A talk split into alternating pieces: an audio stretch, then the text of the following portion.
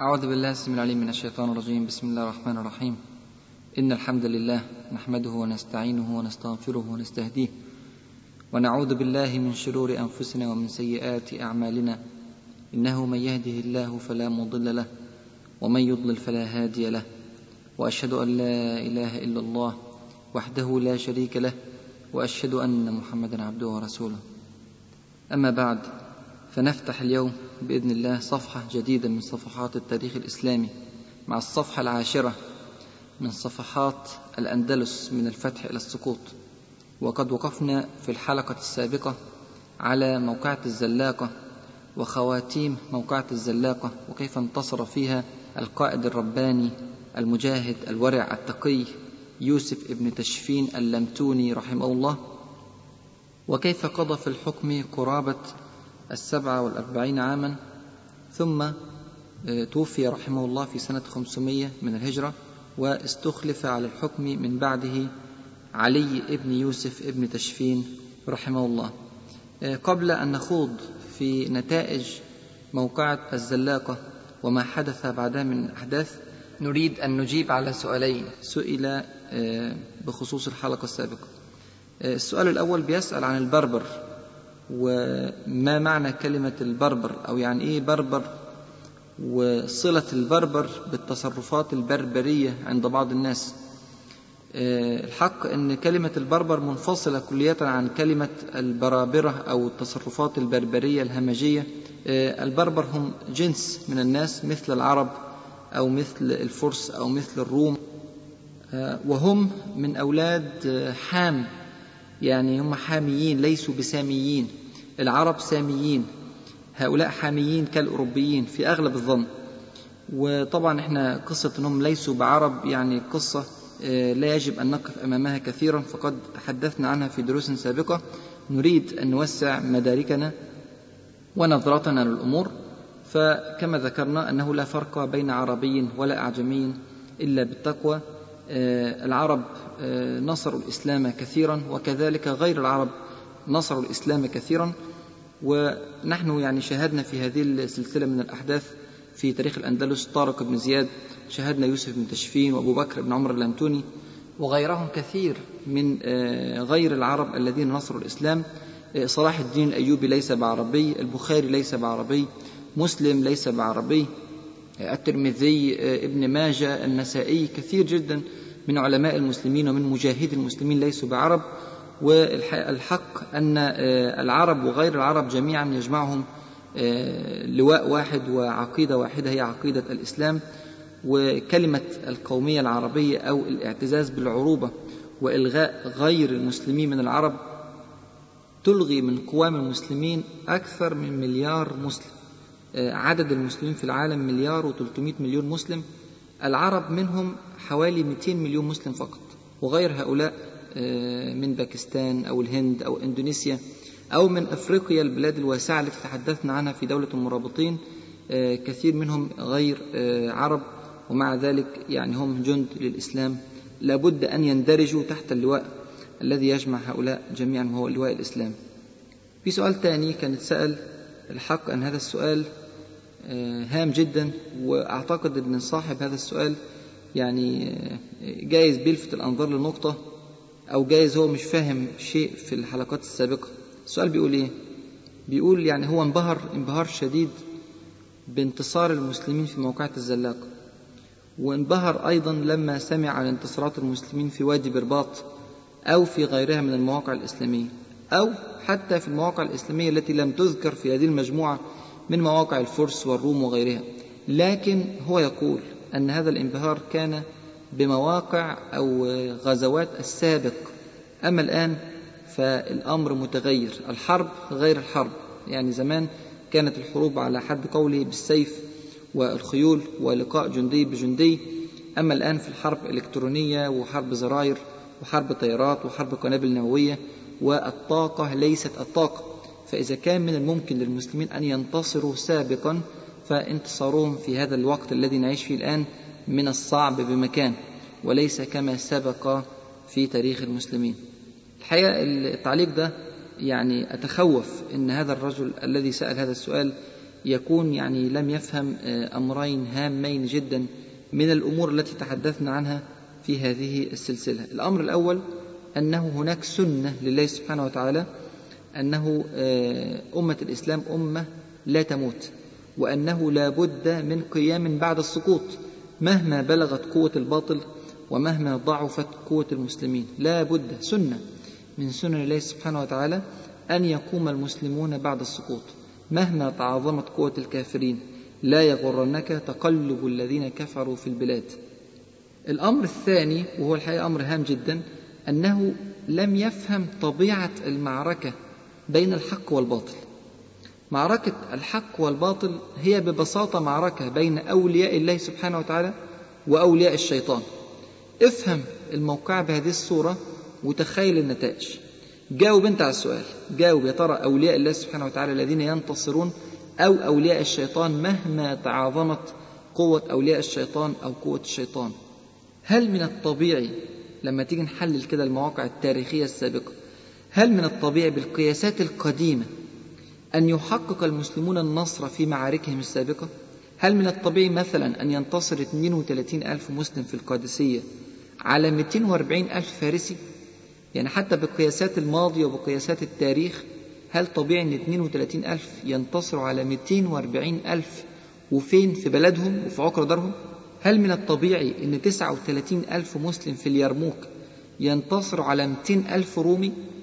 هل من الطبيعي أن 30 ألف مسلم في تستر ينتصروا على 150 ألف فارسي 80 مرة متتالية في خلال سنة ونص؟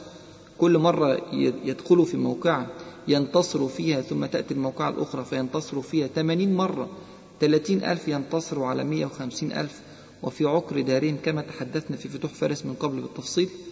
هل من الطبيعي كما درسنا في فتوحات الأندلس أن 12 ألف مسلم ينتصروا على 100 ألف في موقعة وادي برباط. هذه كلها أمور ليست من الطبيعي أن تحدث حتى بقياسات الماضي. ولغز صعب جدا أنك تفهمه إلا بطريقة واحدة أنك تفهم أن الله سبحانه وتعالى هو الذي يحارب الكافرين. وما رميت إذ رميت ولكن الله رمى. يقول سبحانه وتعالى في سورة محمد عليه الصلاة والسلام ذلك ولو يشاء الله لانتصر منهم ولكن ليبلو بعضكم ببعض. هكذا الله سبحانه وتعالى آه، يختبر المؤمنين بحربهم مع الكافرين. يعني إحنا وهنكون فاكرين إن ربنا سبحانه وتعالى محتاج لنصرة المؤمنين علشان ينتصر على اليهود أو ينتصر على الأمريكان أو ينتصر على الروس أو على غيرهم من أمم الأرض الذين اجتاحوا دول المسلمين. أبدا ربنا سبحانه وتعالى من فضله عليك ومنه عليك وجوده وكرمه أن من عليك أن عملت جنديا من جنوده سبحانه وتعالى. أنتم يا إخوة والله تسترون القدرة وتأخذون الأجرة. تسترون قدرة الله سبحانه وتعالى في هزيمته للكافرين وتأخذون الأجر على ثباتكم في هذا الموقف أمام الكفار. الذي يقول إن الموقف في الماضي مخالف عن الموقف في الحاضر وإن حروب الماضي مختلفة بالكلية عن حروب الحاضر وهو يعلم أن الله سبحانه وتعالى هو الذي نصر الصحابة ونصر من تبعهم بإحسان إلى يوم الدين هذا كأنه يقول وحاشا لله من هذا إن الله كان قادرا على عاد وثمود وكان قادرا على فارس والروم لكنه ونعوذ بالله من ذلك ليس بقادر على أمريكا وروسيا وإنجلترا واليهود ومن حالفهم وشيعهم من أمم الحاضرين المقاتلين لأمة الإسلام. يقول سبحانه وتعالى في كتابه الكريم فأما عاد فاستكبروا في الأرض بغير الحق وقالوا من أشد منا قوة. أولم يروا أن الله الذي خلقهم هو أشد منهم قوة وكانوا بآياتنا يجحدون. اسمع يا أخي وتدبر وقف عند كل كلمة من كلمات الله سبحانه وتعالى عندما يصف حال الكافرين. يقول سبحانه وتعالى استكبارا في الأرض ومكر السيء ولا يحيق المكر السيء إلا بأهله. فهل ينظرون إلا سنة الأولين؟ فلن تجد لسنة الله تبديلا ولن تجد لسنة الله تحويلا. أولم يسيروا في الأرض فينظروا كيف كان عاقبة الذين من قبلهم؟ وكانوا أشد منهم قوة؟ وما كان الله ليعجزه من شيء في السماوات ولا في الأرض؟ إنه كان عليما قديرا. لكن المهم في الموضوع اللي المفروض يشغل الإنسان المسلم الحريص على دينه هو أين دوره في هذا القيام قيام أمة المسلمين الجديد؟ أين دوره في الانتصار الذي يشبه انتصار الزلاقة أو غير الزلاقة من مواقع المسلمين الخالدة؟ إن كان قيام أمة المسلمين بك فأنت مأجور حتى لو لم تر نصرا. وإن كان القيام بدونك فقد ضاع عليك الأجر حتى لو كنت معاصرا للتمكين. ده الشيء المفروض يشغل كل مسلم يحاول أن هو يكون له دور في إعادة بنيان الأمة المسلمة بعد السقوط الذي تحدثنا عنه في درس سابق. طيب نرجع نحلل الموقف بعد موقعة الزلاقة. موقعة الزلاقة كما تذكرون كانت في سنة 479 من الهجرة. كان قائد النصارى في موقعة الزلاقة هو ألفونسو السادس. مات ألفونسو السادس بعد الموقعة بشهرين أو ثلاثة. مات في بيته كمدا وهما وحزنا بعد الهزيمة الساحقة لفريقه في موقعة الزلاقة. وكما ذكرنا أنه كانت قد بترت ساقه في موقعة الزلاقة وضاع تقريبا معظم أو كل الجيش الصليبي في هذه الموقعة. واستخلف على الحكم ابن ألفونسو السادس ومع ذلك يعني مع أن الاستخلاف كان سريع إلا أن النصارى لم يستطيعوا أن يقيموا لهم قوة لمدة عشرين سنة أو أكثر من عشرين سنة. لم تحدث مواقع بين المسلمين وبين النصارى إلا بعد سنة 500 يعني بعد حوالي 22 سنة من موقعة الزلاق. يوسف ابن تشفين رحمه الله ظل في الحكم لحد سنة 500 من الهجرة ومات وهو يبلغ من العمر 100 عام واستخلف على الحكم علي بن يوسف ابن تشفين رحمه الله على دولة المرابطين. حاول المرابطون تحرير معظم الأراضي الأندلسية التي أخذت من المسلمين على مدار السنوات السابقة. حاربوا في أكثر من جبهة حرروا سراكوستا وضموها إلى أملاك المسلمين. سراكوستا اللي هي موجودة في الشمال الشرقي من بلاد الأندلس واقتربت حدود دولة المرابطين من فرنسا. حاول المسلمون كثيرا تحرير طليطلة لكن الحق أنهم فشلوا في هذا الأمر. طليطلة كما ذكرنا مدينة من أشد مدن الأندلس حصانة أو هي أكثرهم حصانة على الإطلاق ففشلوا في تحريرها وإن كانوا قد أخذوا معظم القرى والمدن حول طليطلة. في سنة 501 بعد موت يوسف بن تشفين رحمه الله بعام واحد دارت موقعة ضخمة جدا بين المسلمين وبين النصارى هي موقعة أقليش. تولى فيها القيادة على المسلمين علي ابن يوسف ابن تشفين وتولى فيها قيادة النصارى ابن ألفونسو السادس وانتصر المسلمون أيضا انتصارا ساحقا في موقعة أقليش وقتل من الصليبيين في هذه الموقعة 23 ألف صليبي. استمرت الانتصارات للمسلمين سنة 509 فتح المسلمون من جديد جزر البليار التي كانت قد سقطت في عهد ملوك الطوائف. وأصبح المسلمون يسيطرون على جزء كبير جدا من أراضي الأندلس.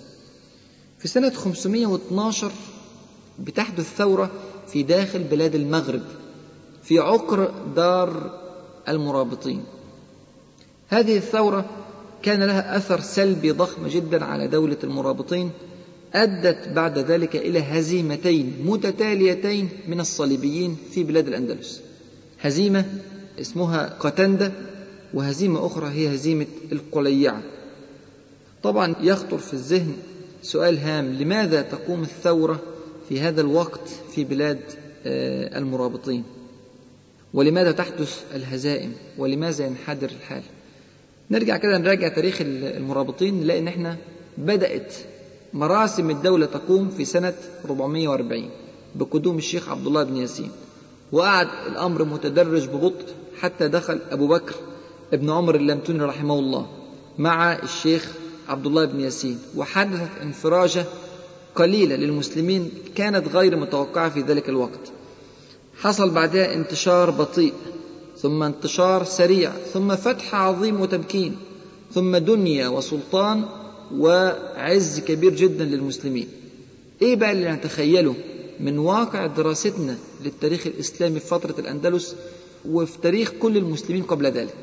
ادي إحنا قضينا من سنة 440 لحد سنة 509 يعني حوالي 70 سنة من الانتصارات المتتالية والعلو والارتفاع والدنيا التي امتلكها المسلمون ووصلوا فيها إلى درجة عالية جدا جدا من العز والسلطان. يا ترى تتوقعوا إيه بقى؟ يا ترى إيه الأحداث التي ممكن أن تحدث بصورة طبيعية جدا بعد هذا التمكين في الأرض وبعد هذا العلو وبعد هذه الغنائم والقصور. والأموال التي فتحت على المسلمين. الشيء الطبيعي جدا الشيء المتوقع جدا الشيء العادي جدا أن يحدث انكسار جديد للمسلمين. فتنة في هذه الدنيا التي فتحت على المسلمين وفتنة في هذه الأموال التي كثرت في أيدي المسلمين. بعض الناس تقول يا ترى معقول؟ بعد يوسف ابن تشفين وبعد أبو بكر بن عمر اللمتوني وبعد الجهاد العظيم وبعد الزلاقة وبعد هذه الانتصارات يحدث انكسار للمسلمين؟ الناس تتوقع يعني أن مش ممكن يحصل انكسار. هقول لهم سبحان الله أتستغربه أن يحدث بعد وفاة يوسف بن تشفين؟ ولا تستغربه أن يحدث بعد وفاة رسول الله صلى الله عليه وسلم؟ وهو بلا شك أعظم تربية وأقوى أثر من يوسف بن تشفين ومن أمثال يوسف بن تشفين؟ طبعا سيدنا رسول الله صلى الله عليه وسلم أعظم البشر وأحكم البشر وأحب الخلق إلى الله سبحانه وتعالى. ومع ذلك بعد وفاة رسول الله صلى الله عليه وسلم حدثت الردة وحدث انكسار كبير جدا للمسلمين. دورة طبيعية جدا من دورات التاريخ. فالذي حدث في بلاد الأندلس أمر من الأمور الطبيعية جدا أنه بعد هذا العلو بدأ يحدث الانكسار. يا ترى إيه هي شواهد هذا الانكسار؟ وإيه هي الأشياء التي حدثت بعد انتهاء عصر يوسف ابن تشفين وبداية عصر علي ابن يوسف ابن تشفين رحمه الله الذي كان أيضا مجاهدا على نسق أبيه في أول الأمر. الحق أن المرابطين فتنوا بالدنيا وإن استمر الجهاد. حاجة غريبة جدا. يعني الجهاد في عهد علي بن يوسف بن تشفين لم يتوقف. كانت له صولات وجولات مع النصارى في أكثر من موقع ومع ذلك فتن المرابطون بالدنيا مع استمرار الجهاد وكثرت الذنوب في البلاد وإن استمر وجود العلماء. أمر في منتهى الغرابة. الغاز عجيبة في الظاهر لكن عندما تأتي وتحلل الموقف تجد الأمر شيء طبيعي جدا. كيف يفتن الناس بالدنيا والجهاد مستمر؟ وكيف تكثر الذنوب في وجود العلماء؟ أما الأولى فترجع إلى خطأ كبير جدا ارتكبه المسلمون في دولة المرابطين وعلى المسلمين أن يحذروا منه دائما. الخطأ هذا هو التركيز على جانب من جوانب الإسلام وترك الجانب الأخرى. انشغل المرابطون في أرض الأندلس وفي بلاد المغرب وما حولها من البلاد انشغلوا بالجهاد في سبيل الله عن تعليم الناس وعن تثقيفهم في الدين. ومهمة التعليم الحقيقة مهمة شاقة جدا وبالذات في هذا الزمن. الناس بطبيعتها لا تحب من يعطي لها قوانين وبرامج. الناس في طبيعتها متفلتة من التعلم ومن الالتزام بالدين. فتريد أن تبذل معها مجهودا ضخما جدا حتى تعلمها أمر دينها. المرابطون انشغلوا بالجهاد في سبيل الله. جيوش كثيرة جدا تخرج في كل مكان والناس ما عادتش بتتعلم الدين كما ينبغي أن يعلم لهم. كما كان العهد في عهد عبد الله بن ياسين ويوسف بن تشفين رحمهم الله. والإسلام يا إخوة دين متوازن لا يغلب جانبا على جانب. انشغل المرابطون بالعبادة عن إدارة الحكم وعن السياسة في داخل البلد. انشغلوا بالأمور الخارجية عن الأمور الداخلية. لو تراجع التاريخ معانا في فترة الأندلس تجد مثلا من من عوامل نجاح عبد الرحمن الناصر رحمه الله أنه أقام الدولة المتوازنة في العلم والجهاد والاقتصاد والقانون والعمران والعبادة وكل شيء. كون الدولة التي تسد حاجات الروح والجسد فسادت الدولة وتمكنت. كذلك كان من عوامل نجاح الشيخ عبد الله بن ياسين في نشأ دولة المرابطين أنه أقام الجماعة المتوازنة التي تهتم بكل جوانب الحياة وتعطي كل منها قدرا مناسبا من الجهد والطاقة والوقت والعمل. كما علمهم أن يكونوا مجاهدين علمهم أن يكونوا عابدين لله سبحانه وتعالى. كما علمهم أن يكونوا سياسيين بارعين علمهم أن يكونوا متعاملين تعاملا على نهج الإسلام وأصول الإسلام. هكذا أنشأ ما يسمى بالجماعة المتوازنة. لكن أن يوجه المسلمون في دولة المرابطين في هذا العهد في سنة 500 وما بعدها أن يوجه المسلمون كل طاقاتهم إلى الجهاد في سبيل الله وإلى أمور العبادة. ويتركوا أمور السياسة الداخلية وتثقيف الناس وتعليم الناس أمر الدين والسيطرة على المعاصي التي بدأت تنتشر في البلاد طبعا ده شيء فيه خلل حدثت من جرائه هزة في دولة المرابطين. يبقى ده أول شيء اللي هو فتنة الناس بالدنيا مع استمرار الجهاد. الأمر الثاني أن الذنوب كثرت جدا في أرض المرابطين سواء في أرض المغرب أو أرض الأندلس مع وجود العلماء الكثر. وطبعا دي علامة استفهام كبيرة يعني كيف تكثر الذنوب في وجود العلماء. كثرة الذنوب أمر طبيعي أن يحدث. يعني في بلاد المرابطين بعد أن كثرت فيها الأموال وانفتحت الدنيا أمر طبيعي جدا أن تكثر الذنوب. لأن معظم الذنوب بتحتاج إلى أموال كثيرة جدا. آه والله فعلا عشان عشان تذنب تحتاج إلى أموال. عشان تشرب خمرة محتاج أموال كثيرة. عشان تشرب مخدرات محتاج أموال كثيرة. عشان تدخل ملاهي ليلية محتاج إلى أموال كثيرة. يعني كثير جدا من الذنوب تحتاج إلى أموال وأحيانا بتحتاج إلى أموال طائلة. النفوس الضعيفة التي كانت في دولة المرابطين التي كانت تفكر في الذنوب لكن لا تقدر عليها الآن بعد أن كثرت الأموال في أيديهم تحركت النفوس الضعيفة ناحية الذنوب. وبدأت ترتكب من الأمور التي فيها معصية كبيرة لله سبحانه وتعالى يعني إيه؟ ألوانا وأشكال. طبعا هناك الغني الشاكر في الإسلام لكن الحق أن هذا هو الاستثناء والأصل أن الناس جميعا يفتنون بالمال ويقعون في الذنوب إذا كثر المال في أيديهم. لذلك يقول سبحانه وتعالى في كتابه الكريم على لسان قوم نوح لنوح عليه السلام وما نراك اتبعك إلا الذين هم أراذلنا بادي الرأي. أراذلنا ضعف الناس و وبسطاء الناس وفقراء الناس هم الذين اتبعوا نوح عليه السلام واتبعوا الرسل من بعده واتبعوا كل الدعاة من بعده إلى يوم القيامة. يبقى أمر الذنوب أمر متوقع نتيجة كثرة الأموال. لكن أين العلماء الكثر؟ يعني كل هذه الذنوب ترتكب. أين العلماء؟ المنتشرون في بلاد الأندلس وفي بلاد المغرب العربي في ذلك الوقت. انظر إلى الخطأ الفادح الآخر. إحنا قلنا الخطأ الأول عدم توازن الأمور في دولة المرابطين. الأمر الثاني أو الخطأ الثاني هو أن العلماء انشغلوا بفرعيات الأمور وأغفلوا أساسياتها. انشغلوا بالفروع عن الأصول. أخذوا يؤلفون المؤلفات ويعقدون المناظرات ويقسمون التقسيمات في أمور لا ينبني عليها كثير عمل. بينما أغفلوا أمورا ما صح لهم أبدا أن يتركوها. قعدوا يعملوا مناظرات طويلة جدا. كيف تضع يدك أثناء الصلاة؟ يا تحطها على الصدر ولا تحطها على البطن ولو على الصدر في أي مكان في الصدر. مناظرات طويلة جدا في وضع السبابة أثناء التشهد. ترفع من أول التشهد ولا في منتصف التشهد فقط؟ هل ترفع ساكنة أم متحركة؟ هل حركة رأسية أفقية أم حركة دائرية؟ هل لو كان متحرك بأي معدل سريع ولا بطيء؟ حاجة يعني في منتهى الغرابة أن تجد الناس يتجادلون كثيرا جدا في هذا الأمر. مناظرات طويلة جدا في المرجئة والمعطلة والمشبهة والمجسمة وحاجات يعني الناس ما كانوا يرونها ولا يسمعونها عنها أبدا. ينقبون في الكتب ويبحثون عن المشاكل ويبدأوا في مناظرات طويلة وأشياء كثيرة يعني فتحت على الناس أبوابا ما فتحها عليهم رسولهم صلى الله عليه وسلم. نتج عن هذا التعمق في الفروع أشياء خطيرة جدا. نتج عنه أولا جدار عظيم جدا بين العلماء والعامة. لا العامة بيفهموا العلماء ولا العلماء بيفهموا العامة.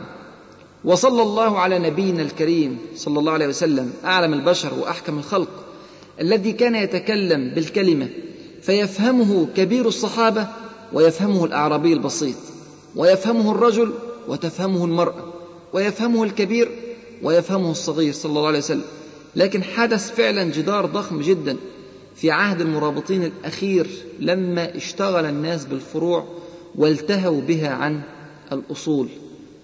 حدث أمر آخر نتيجة هذه المناظرات الطويلة. هي عزلة خطيرة جدا للعلماء عن المجتمع. أخذوا يتحدثون في كل هذه الأمور وتركوا مصائب عظام حلت على المجتمع. كانت الخمور تباع وتشترى بل وتصنع في البلاد ولا يتكلم أحد. ضرائب باهظة تفرض على الناس غير الزكاة بغير وجه حق ولا يتكلم أحد من العلماء. ظلم الولاة لأفراد الشعب ولا يتكلم أحد من العلماء. ملاهي للرقص لا تختبئ بل تعلن عن نفسها بسفور.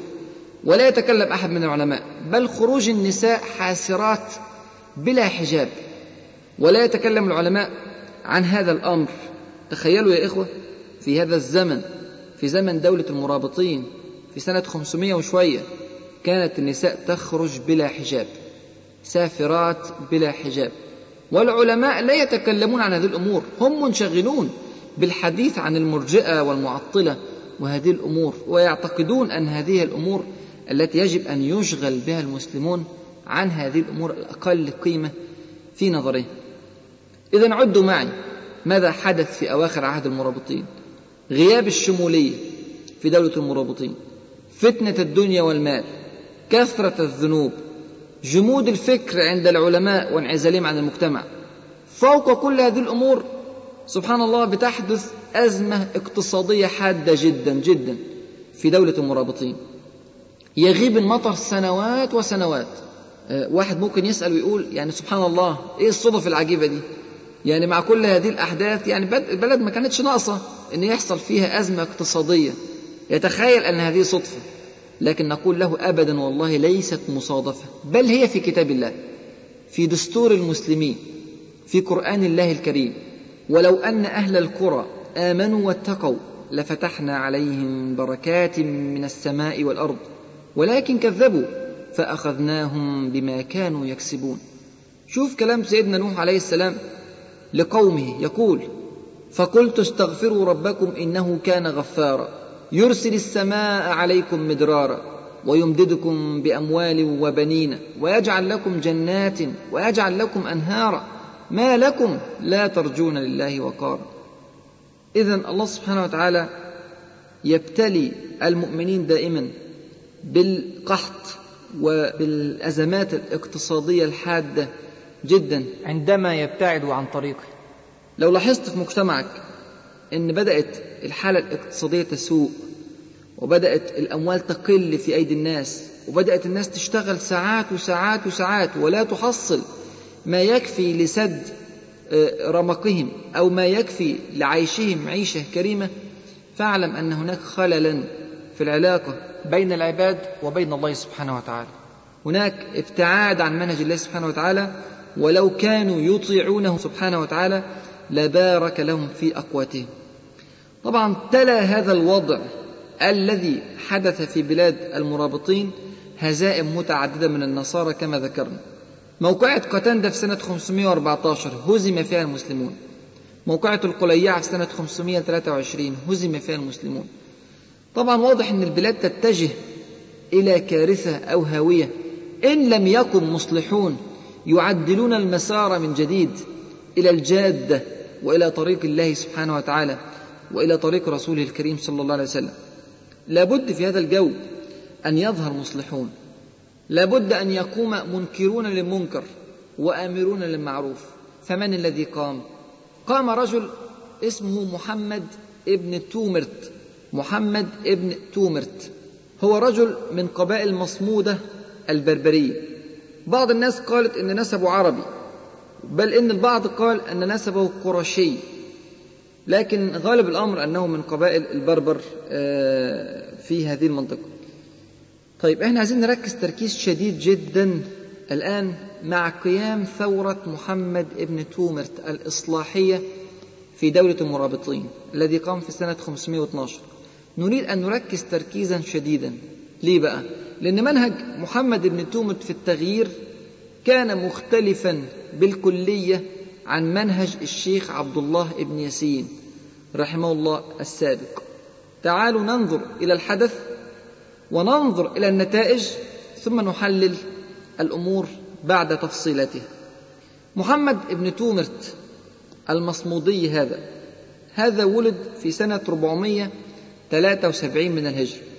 ونشأ في بيت متدين في قبيلة مصمودة. وظل في هذا البيت إلى سنة 500 يعني كان يبلغ من العمر في ساعتها 27 سنة. وكان متشوقا جدا إلى العلم. وكان من عادة العلماء في ذلك الزمن أنهم يتجولون ويسيحون في الأرض يتعلمون من العلماء في شتى بقاع آه، الأرض من علماء المسلمين في مختلف الأقطار. ففي سنة 500 سافر محمد بن تومرت إلى قرطبة وتلقى العلم هناك ثم لم يكتفي بذلك بل عاد وسافر إلى بلاد المشرق. سافر في البداية إلى الأسكندرية ثم إلى مكة في الحج. حج هناك وأخذ يتعلم على أيدي علماء مكة فترة. ثم ذهب إلى بغداد وقضى هناك عشر سنوات كاملة في بغداد وتعلم هناك العلم على أيدي علماء بغداد جميعا. طبعا بغداد في هذا الوقت كانت تموج بتيارات مختلفة. كان فيها علماء للسنة كثيرين وكان فيها أيضا علماء للشيعة كثيرين وكان فيها أيضا علماء للمعتزلة. فتلقى على أيدي هؤلاء جميعا. ثم ذهب إلى الشام وتلقى العلم على يد أبي حامد الغزالي رحمه الله صاحب الإحياء. ثم عاد بعد ذلك إلى الأسكندرية ثم عاد بعد ذلك إلى بلاد المغرب. يقول ابن خلدون يصف محمد ابن تومرت عند عودته في سنة 512 لما عاد إلى بلاد المغرب العربي في سنة 512 يعني رجع عنده تقريبا 39 سنة. يقول أصبح محمد ابن تومرت بحرا متفجرا من العلم وشهابا في الدين. يعني جمع علوم كثيرة جدا ومن تيارات مختلفة من تيارات المسلمين. فجمع يعني أفكار ضخمة جدا وأصبح فعلا من علماء المسلمين الكبار في هذه الأونة. في طريق عودته من بلاد العراق وبلاد الشام بقي في الأسكندرية فترة يكمل فيها تعليمه. وهناك في الأسكندرية بدأ يأمر بالمعروف وينهى عن المنكر. هنا بنلاحظ شيء في سيرة محمد بن تومت.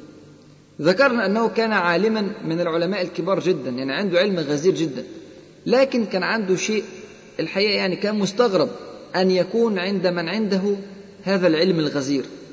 كان شديدا جدا في إنكار المنكر وفي الأمر المعروف. شدة تصل إلى حد التنفير. فكان ينفر كثيرا من الناس عنه عندما يأمرهم بالمعروف وينهاهم عن المنكر. لدرجة أن أهل اسكندرية لما بدأ يأمر فيهم بالمعروف وينهى عن المنكر طردوه من البلد من فظاظته وألقوه في سفينة متجهة إلى بلاد المغرب العربي ركب السفينة قعد يأمر بالمعروف وينهى عن المنكر على السفينة وقعد يختلف معهم اختلاف كبير. منع الخمور على السفينة وأمر بقراءة القرآن. وطبعا كان كل الناس يعني بعيدة تماما عن المنهج آه، الإسلامي في السفينة. ومن شدته عليهم مسكوه في وسط البحر الأبيض المتوسط ورموه في البحر. وتركوه مشوا في وسط البحر وانطلقوا إيه إلى بلاد المغرب. وقعد يسبح جنب السفينة محمد بن تومرت وشوية إيه والناس يعني صعب عليها. فأخذته في السفينة على أن يصمت حتى يصل إلى بلاد آه، المغرب العربي وصل فعلا إلى بلد تسمى بلد المهدية في تونس وهناك نزل وبدأ كالعادة من جديد يأمر بالمعروف وينهى عن المنكر بنفس الطريقة. وأيضا كرد فعل طبيعي للناس بدأت تنفر عن طريقه وتبتعد. وكان محمد بن تومرت يريد تغيير كل شيء من المنكر تغييرا جذريا مفاجئا وسريعا. والحق إن هذا أمر يعني مخالف للسنن. حتى رسول الله صلى الله عليه وسلم لما بدأ يأمر بالمعروف وينهى عن المنكر في مكة ما أمر بهذه الأمور فجأة. بل إن الأمور نزلت من عند الله سبحانه وتعالى مدرجة. كان يؤمر باجتناب الربا بصورة متدرجة. وكان يؤمر باجتناب الخمور بصورة متدرجة. وكان يؤمر بالقتال في سبيل الله بصورة متدرجة هكذا. في كلام لطيف جدا نذكره لعمر بن عبد العزيز رحمه الله. لما تولى عمر بن عبد العزيز رحمه الله الأمر كانت هناك منكرات في دمشق وما حولها من البلاد. ابن عمر بن عبد العزيز رحمه الله كان شديدا جدا في الحق فأراد أن يغير كل هذه الأمور. فوجد أن أباه عمر بن عبد العزيز رحمه الله يغير في الأمور بصورة متدرجة. فشق ذلك عليه وذهب إلى أبيه وقال يا أبي أنت تملك الأمور الآن وأنت يعني لك يعني هيمنة على بلاد المسلمين فيجب أن تغير هذا المنكر كله وتقيم الإسلام كما ينبغي أن يقام. فقال له عمر بن عبد العزيز رحمه الله يا بني لو حملت الناس على الحق جملة واحدة تركوه جملة واحدة.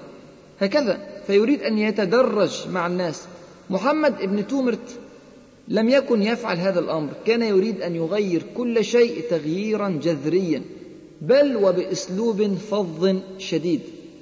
وانظر إلى قوله سبحانه وتعالى يخاطب نبيه الكريم ولو كنت فظا غليظ القلب لانفضوا من حولك. هذا خطاب لرسول الله صلى الله عليه وسلم. يعني رسول الله صلى الله عليه وسلم المؤيد بالوحي أحكم البشر وأعلم البشر جميعا.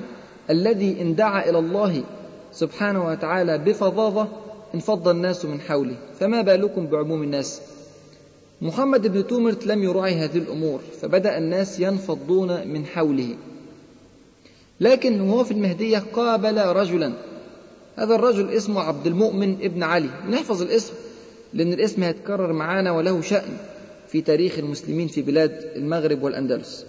عبد المؤمن بن علي هذا كان في مدينة المهدية في تونس يبغي ما بغاه محمد بن تومرت من قبل يبحث عن العلم ويبحث عن الدين كما فعل محمد بن تومرت برحلته في بلاد المسلمين.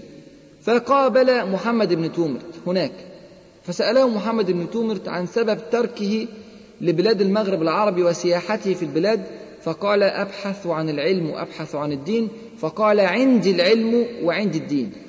فالتقيا وأخذ محمد بن تومرت يعلم عبد المؤمن بن علي من علمه فأعجب به جدا وتآخيا في الله. ومن أول ما عرفوا بعض وظل حتى آخر حياتهما سويا حتى مات محمد آه، ابن تومرت عبد المؤمن بن علي اتعلم من محمد بن تومرت العلم مع الطريقة. يعني اتعلم كثرة العلم مع فظاظة الأسلوب في دعوة الناس إلى المعروف وفي نهيهم عن المنكر. وبدأ الاثنان يدعوان إلى الله سبحانه وتعالى في بلاد المغرب العربي وانضم إليهما خمسة. فبقوا إيه؟ بقوا سبعة. قوام كل المجموعة التي مع محمد بن تومر به هو شخصيا سبعة من الأفراد. خلي بالنا هيعمل إيه محمد بن تومر محمد بن تومرت يرى أن المنكرات قد كثرت جدا في بلاد المرابطين. نظر فوجد أن الخمور قد فشت في أماكن كثيرة حتى في مراكش اللي هي المدينة العاصمة التي أسسها يوسف بن تشفين رحمه الله من قبل وكانت ثغرا من ثغور الإسلام. وجد أن السفور والإختلاط قد انتشر. وجد أن الولاة بدأوا يظلمون الناس ويفرضون عليهم الضرائب ويأكلوا أموال يتامى حتى أنه شاهد من ضمن المشاهدات أن امرأة سافرة تخرج في يعني فوج كبير جدا وحرس وما إلى ذلك من الأمور فسأل عن هذه المرأة السافرة فوجدها ابنة علي بن يوسف بن تشفين ابنة أمير المسلمين في هذا المكان. فطبعا خد الستة بتوعه وقعد معهم وعرض عليهم فكرته في التغيير. ونخلي بالنا ونركز جيدا في اسلوب محمد بن تومرت في التغيير. قال إيه محمد بن تومرت ليهم؟ قال لهم إن الأمور قد تفشت والمعاصي قد انتشرت في بلاد المرابطين وأرى أن الحل لهذا الأمر هو أن نقصي الحكام عن الحكم. نبدأ بالرأس نبدأ بعلي بن يوسف بن تشفين ومن معه من الحكام أو الولاة ومن معه من الجيش فنخرج عليهم ونقصيهم من الحكم ويكون في أيدينا الحكم فنستطيع أن نغير في البلاد ما نغيره على شرع الله وعلى كتاب الله وعلى سنة رسوله صلى الله عليه وسلم. يعني لا يريد أن يبدأ الطريق الطويل جدا طريق التربية الذي بدأه عبد الله بن ياسين رحمه الله من قبل والذي سار فيه سنوات حتى تمكن من الأمور. لا هو عايز يشيل بسرعة علي بن يوسف بن تشفين ومن معه من الناس الحكام على هذه البلاد ويسيطر على الأمور وبعد كده يبقى يعلم الناس من آه، مكان الحكم أو بعد أن يتملك الأمور في البلاد. طبعا علي بن يوسف بن تشفين هذا كان يقيم شرع الله سبحانه وتعالى وكان يجاهد في سبيل الله لكن كانت عنده تجاوزات ومخالفات ذكرناها كما ذكرنا في هذه الفترة. ما كان أبدا يجوز لمحمد بن تومرت ومن معه من الرجال على صدق نواياهم فيما يبدو لنا وعلى تقشفهم وزهدهم وعلمهم الغزير ما كان لهم أن يخرجوا عليه بل كان عليهم أن يقيموا الأمر من جديد يعاونوه على العودة إلى طريق الإسلام الصحيح وعلى تعليم الناس وعلى تربية الناس. انظر إلى تغيير رسول الله صلى الله عليه وسلم. رسول الله صلى الله عليه وسلم لما نزلت عليه الرسالة في أرض مكة ودعا إلى الله سبحانه وتعالى وخالفه المشركون. كان من الممكن أن يفعل الأمر الذي فكر فيه محمد بن تومر. كان من الممكن أن هو يوصي سيدنا علي بن أبي طالب وسيدنا الزبير بن العوام وسيدنا طلحة بن عبيد الله كل واحد منهم يقوم فيقتل رجلا من صناديد قريش ويتملك الحكم في مكة. ثم بعد ذلك يقيم شرع الله سبحانه وتعالى. لكن هذه ليست سنة الله سبحانه وتعالى في التغيير. ولذلك لم يتبعها رسوله الكريم صلى الله عليه وسلم. بل أخذ يربي الناس بالتدريج سنة بعد سنة بعد سنة 13 سنة كاملة في مكة. ثم هاجر إلى المدينة المنورة. ثم بدأ يربي الناس بالتدريج أيضا في المدينة المنورة. ثم كانت بدر موقعة في البداية مع الكافرين. ثم كانت المواقع التي تتلو ذلك حتى تمكن رسول الله صلى الله عليه وسلم من السيطرة على الأمور في جزيرة العرب جميعا. إذا هذا هو النهج الذي سلكه رسول الله صلى الله عليه وسلم والذي سلكه الشيخ عبد الله بن ياسين رحمه الله من بعده في إقامة دولة المرابطين. لكن الذي فعله محمد بن تومر كان مخالفا للنهج. إذا كان عنده منهج مخالف في التغيير وكان عنده فظاظة وشدة في الأمر بالمعروف والنهي عن المنكر. طب يا ترى الأمر وصل معاه لإيه بعد كده؟ طبعا علي بن يوسف المتشفين سمع بمحمد بن تومرت وسمع أنه يدعو الناس إلى الخروج على الحاكم علي بن يوسف بن تشفين. طب يا ترى يعمل إيه علي بن يوسف بن تشفين؟ علي بن يوسف بن تشفين فكر في عقد مناظرة بين محمد بن تومرت وبين علماء دولة المرابطين في ذلك الزمن في قصر الخليفة في قصر علي بن يوسف بن تشفين. فأتى بمحمد بن تومرت وأتى بعلماء المرابطين وبدأ الفريقان في المناظرة. على رأس علماء دولة المرابطين مالك ابن وهيب رحمه الله. هذا كبير آه، علماء دولة المرابطين وهو كان قاضي القضاة في ذلك الوقت. ومحمد بن تومرت ومعه الستة من أصدقائه. طبعا برضو حكاية المناظرة ديت تخلينا نعرف أن علي بن يوسف التشفين كان فيه خير وإلا كان من في بساطة شديدة جدا كان ممكن ياخد محمد بن تومرت يضعه في السجن ويقتله أو يعتقله أو يفعل به أي أمر لكن لا يعطي فرصة له للمناظرة مع علماء المسلمين في ذلك الوقت. لكن هو جعل هناك مناظرة بين محمد بن تومرت وبين العلماء الآخرين. في هذه المناظرة تفوق محمد بن تومرت عليهم تفوقا ملحوظا عظيما. هو رجل كما ذكرنا من العلماء الكبار جدا. كان بحرا متفجرا من العلم وشهابا في الدين كما ذكر ابن خلدون. وعنده علم كبير جدا وقعد عشر سنين في بغداد يدرس علم المجادلة ويتعلم على يد المعتزلة ويدرس كتب الفلاسفة وكيف يجادلون وكيف يحاورون. فاستطاع محمد بن تومت أن يحاجهم جميعا في كل القضايا التي أثيرت بينه وبينهم. لدرجة إن علي بن يوسف بن تشفين الأمير بكى في مجلسه.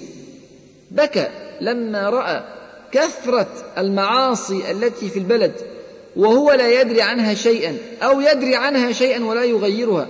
بكى من الخشية لما سمع كلام محمد بن تومرت لكن طبعا برضو كانت الحدة واضحة جدا في كلام محمد بن تومرت وكانوا يعلمون أنه يحرض الناس على الخروج على الحاكم. هنا مالك بن وهيب قاضي القضاة أسر في أذن علي بن يوسف بن تشفين قال له أنه عليك أن تعتقل هذا الرجل وتنفق عليه دينارا في كل يوم في السجن وإلا ستمر عليك الأيام فتنفق عليه كل خزائنك دون أن تقدر عليه.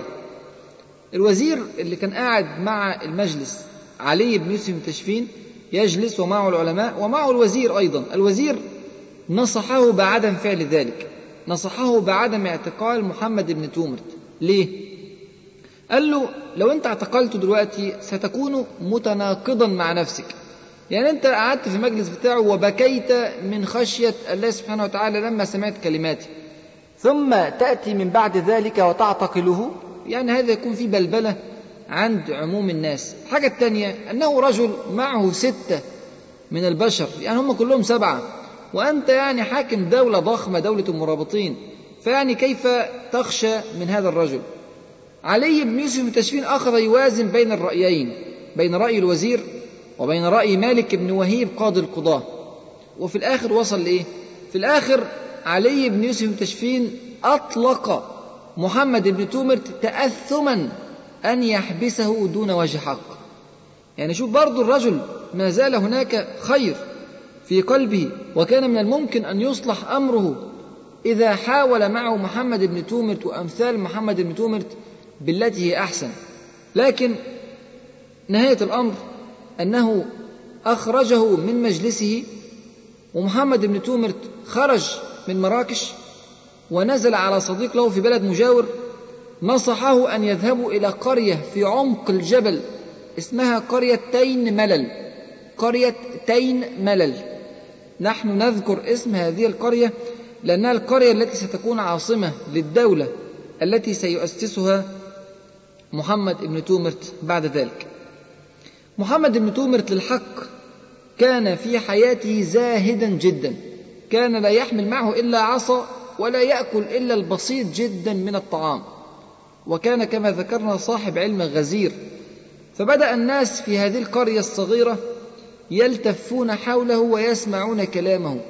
وبدأ يؤثر فيهم من كثرة المعاصي التي هي انتشرت في بلاد المرابطين. وبدأ يكون حوله جماعة صغيرة بدأت تنتشر. وسماها جماعة إيه بقى؟ سماها جماعة الموحدين. وطبعا دي كانت تسمية خطيرة جدا.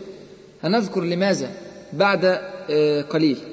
كبرت شوكة محمد بن تومرت. لكن سبحان الله بمجرد أن كبرت هذه الشوكة ظهرت عليه انحرافات عقائدية خطيرة جدا. إحنا قلنا إن هو اتعلم على ايدين ناس كتير جدا. وتيارات مختلفة وسنة وشيعة ومعتزلة وغير معتزلة. والشام والعراق ومكة ومصر وغيرها من البلاد. ظهر عليه خليط من العقائد المختلفة. أولا ادعى العصمة. وطبعا دي حاجة خاصة بأئمة الشيعة. أخذ منهم هذه الجزئية. ادعى أنه معصوم أي لا يخطئ. طبعا البشر جميعا يخطئون وليس هناك معصوم إلا الأنبياء. لكنه ادعى العصمة. ادعى أمرا خطيرا آخر. ادعى أن المرابطين من المجسمة. طبعا المرابطون يثبتون لله صفاته. هو أخذ فكر المعتزلة في نفي الصفات عن الله سبحانه وتعالى. طبعا القضية يعني جدلية طويلة مش عايزين نخوض في تفصيلاتها. لكن خلاصة الأمر أنه لما أثبت أن المرابطين يثبتون صفات الله سبحانه وتعالى ادعى أنهم من المجسمة. وتبعا لهذا الادعاء كفر المرابطين. فقال إن علي بن يوسف تشفين كافر ومن معه من الولاة كافرون ومن معه من العلماء كافرون ومن يعمل تحت حكمهم ويرضى بحكمهم من الكافرين. يبقى دي مرحلة خطيرة جدا. كفر حكام البلد التي كان يعيش فيها بلاد المغرب العربي والأندلس في ذلك الوقت. تبعا لهذا التكفير استحل دماء المرابطين وأمر بقتلهم. الخروج عليهم كما ذكرنا من قبل وقتلهم إن استطعت. ولست آثما إن قتلتهم على كلامه بل محرزا لثواب عظيم. وكان متساهلا جدا في الدماء. طبعا دي كانت خاصية للخوارج. وإحنا برضو ذكرنا ان هو في رحلته الطويلة اتعلم على ايدي ناس كتير منهم الخوارج. الخوارج متساهلين جدا في الدماء. كان محمد بن تومرت يقتل العشرات من المخالفين له حتى من فرقته حتى من جماعته من جماعة الموحدين. الذي كان يخالفه في الرأي كان يقتله. أمر غريب جدا مع كل هذا العلم الغزير الذي كان عنده. حتى بعض الناس بتقول أنه ادعى بعض الخوارق وبعض الناس بتقول أنه ادعى أنه المهدي المنتظر. فطبعا هذه الأمور جميعا الناس بدأت تصدقوا فيها. ليه؟ لأن إحنا ذكرنا من قبل أن العلماء علماء دولة المرابطين انشغلوا بالأمور الفرعية عن تعليم الناس أصول العقائد وأصول العبادات وأصول الدين.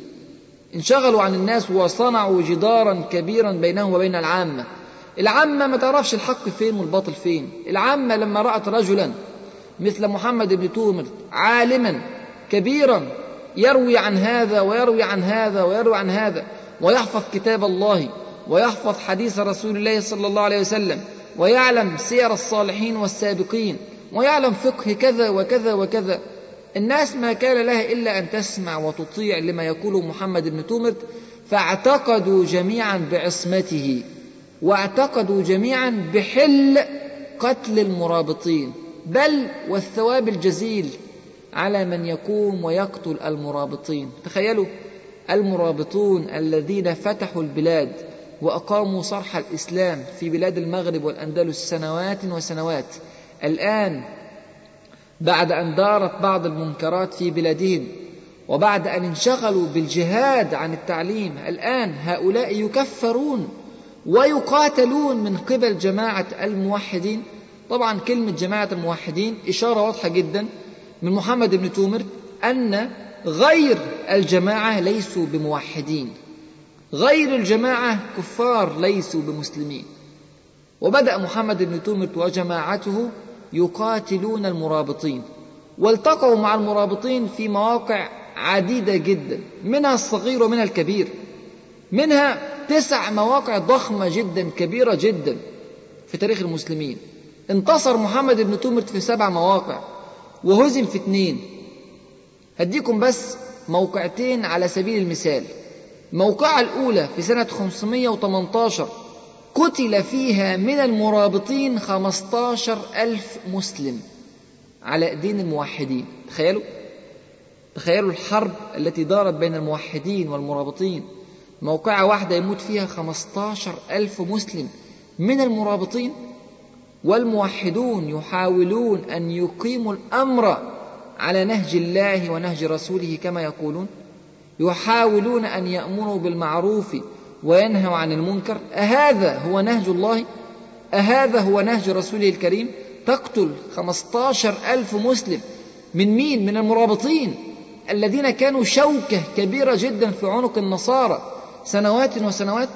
موقعة تانية موقعة البحيرة في سنة 524 هذه الموقعة انتصر فيها المرابطون على الموحدين. قتل فيها من الموحدين أربعون ألفا.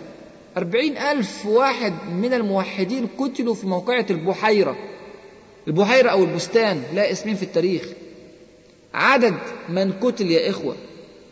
من المسلمين على أيدي المسلمين. في المواقع بين الموحدين والمرابطين يزيد على ثمانين ألف مسلم من سنة 512 لحد سنة 541 في غضون 28 سنة إلى أن قامت دولة الموحدين. نعم قامت دولة الموحدين كما قامت دولة المرابطين من قبل. قامت لكن قامت على دماء أكثر من 80 ألف مسلم. أهذا هو النهج الصحيح للتغيير؟ أهذا هو نهج رسول الله صلى الله عليه وسلم؟ شفنا إزاي الطريق الذي سار فيه محمد بن تومر ومن معه وشفنا إزاي الطريق الذي سار فيه الشيخ عبد الله بن ياسين ومن معه من قبل. والاثنين في الآخر وصلوا للدولة ووصلوا للحكم. لكن انظر كيف كانت الأحداث وكيف كانت النتائج وكيف كان النهج وتعجب. كيف يسير محمد بن تومر في هذا الطريق؟ وقد رسم له السابقون الطريق الصحيح الذي ليس فيه دماء للمسلمين. وليس فيه تشريد وقتل وذبح لأمة كبيرة من المجاهدين مثل أمة المرابطين. في سنة 524 بعد موقعة البحيرة بيموت محمد بن تومرت وسبحان الله لحد آخر لحظة من حياته كان يأمر الناس بالأمر بالمعروف والنهي عن المنكر والزهد في الدنيا واتباع سنة رسول الله صلى الله عليه وسلم. واتباع نهج الخلفاء الراشدين وعدم النقوص ابدا عن الجهاد في سبيل الله لكن على فهمه وعلى طريقته التي ذكرناها. وأمر الناس أن يسمعوا ويطيعوا لعبد المؤمن بن علي من بعده. هذا الرجل الذي قابله أول مرة هناك في مدينة المهدية في سنة 512 أن يسمعوا له ويطيعوا ما أطاع الله فيهم فإن بدل فلا طاعة لمخلوق في معصية الخالق. يعني تسمع كلام محمد بن تومرت تشعر أنه يعني من أكبر علماء المسلمين ومن أكبر المجاهدين وكان بحق من العلماء كما ذكرنا لكن كان عنده أشياء عجيبة جدا كما ذكرنا أيضا في أسلوب التغيير. العنف الشديد في التغيير المخالفات العقائدية الخروج على الحكام وتكفير المسلمين وقتلهم والحكام قد أقاموا شرع الله سبحانه وتعالى. ولكن خالفوا في بعض الجزئيات فكان عليه أن يقومهم بالتي أصلح. كانت النتيجة أن قامت للمسلمين دولة على دماء ثمانين ألف مسلم. تولى عبد المؤمن بن علي الأمور في جماعة الموحدين من بعد محمد بن تومر في سنة 524 واستمر يقود الجماعة حتى سنة 541 إلى أن سقطت دولة المرابطين السنية المجاهدة بالكامل في سنة 541 على إثر مجزرة شديدة جدا داخل مراكش. قتل فيها معظم المرابطين الذين كانوا في مدينة مراكش وتملك الموحدون الحكم في البلاد. كان الكلام ده في سنة 541 يا إخوة إحنا بندرس التاريخ علشان نتعلم وعلشان ما نكررش أخطاء السابقين. وعلشان نكرر ما فعله الصالحون من المسلمين في سنوات الإسلام السابقة الكثيرة جدا 1400 سنة تاريخ طويل جدا فيه الكثير من الصلاح وفيه الكثير من الفساد. وعلينا أن نستفيد استفادة كاملة من هذه الخطوات. ترى ماذا حدث مع دولة الموحدين بعد أن قامت على هذه الدماء؟ ترى ماذا فعل عبد المؤمن ابن علي في قيادته لدولة الموحدين من سنة 541 إلى ما بعدها من السنوات. وهل انصلحت الأفكار التي كانت في ذهن الموحدين عن عصمة محمد بن تومرت وعن مهديته وعن كونهم يكفرون غيرهم من المسلمين؟ هذا ما سوف نتدارسه في الحلقة القادمة.